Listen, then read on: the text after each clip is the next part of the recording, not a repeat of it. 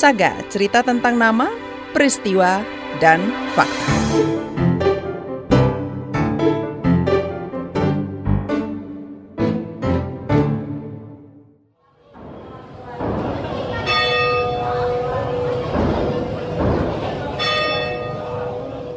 Harum hio menyeruak di seluruh ruangan kelenteng En Angkyong, Kota Lama, Kota Malang, Jawa Timur.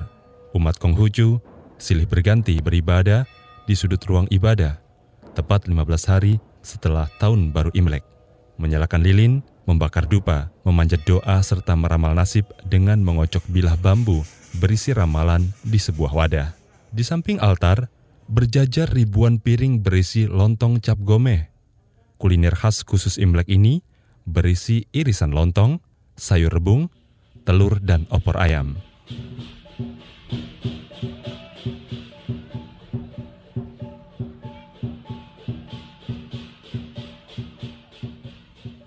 Masyarakat Malang dari berbagai suku bangsa dan agama berdatangan bersama-sama menyantap lontong yang hanya disajikan saat perayaan Cap Gome. Pemuka umat Konghucu Kelenteng Eng An Kiong, Bonsu Anton. Ini adalah sebagai ungkapan merasa syukur kepada Tuhan Yang Maha Esa di mana saat Imlek sampai 15 hari setelah Imlek telah berjalan dengan baik. Rasa syukur itu bukan hanya milik warga Kelenteng, tapi NKRI. Itulah yang kita wujudkan. Akulturasi budaya dan agama terjalin di Kota Malang. Salah satunya menyediakan hidangan dengan menggunakan bahan pangan lokal. Lontong berbahan beras dan rebung yang memiliki makna dan filosofi. Tak hanya makanan khas, termasuk sebutan tempat ibadah Tridharma, kelenteng juga adaptasi dari bahasa Jawa. Kelenteng itu sendiri adalah bahasa Jawa. Bahasa Jawa murni. Karena di tempat ibadah ini memanggil umat untuk bersembahyang juga memakai lonceng. Padahal di negeri kita, sahabat-sahabat kita yang dari Kristiani memanggil umat untuk bersembahyang juga memakai lonceng.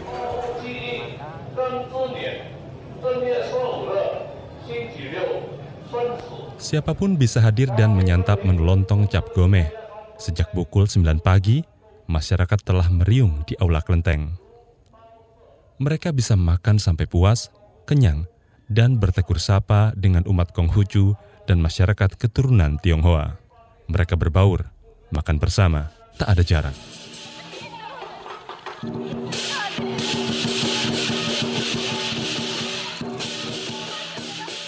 Elmi Rizkianti, warga Sawojajar Kota Malang ini, datang bersama keluarga, suami, ibu, dan adik. Ia rutin turut serta merayakan cap gome untuk mengenalkan budaya Tionghoa kepada keluarga terdekatnya. Ya tahunnya kan setelah Hari Raya Imlek itu kan memang biasanya kan lontong cap gome itu. Jenengan dengan keluarga itu datang bersama. Iya, iya sama keluarga. Sini kan juga ada mama mertua soalnya.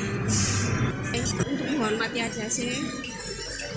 Sama kan juga pengen, kan juga pengenalan nah, mas masuk kan kita kan bineka tunggal ika juga keluarga saya juga sama suami jadi ya untuk Tokoh agama juga hadir di meja makan.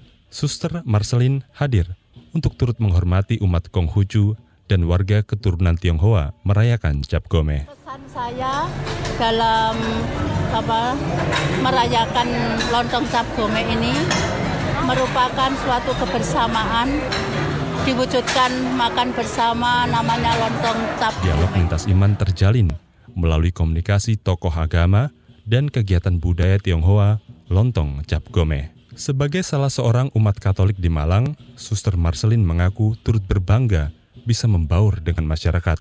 Tak ada sekat pembatas. Semua dilayani sama. Tak ada pembeda kelas sosial atau suku bangsa, termasuk pemuka agama, juga dilayani sama. Bonsu Anton juga mengajarkan toleransi dan merawat keberagaman di keluarganya. Bapak sembilan anak ini membebaskan anaknya memilih agama. Ada yang beragama Kristen, Katolik, Buddha, dan Islam. Pesan jaga dan lestarikan tradisi budaya kultur kita sebagai bangsa. Kita sebagai bangsa mempunyai filosof rukun agawi santoso. Demikian Saga yang disusun jurnalis KBR Eko Widianto. Saya Sindu Darmawan.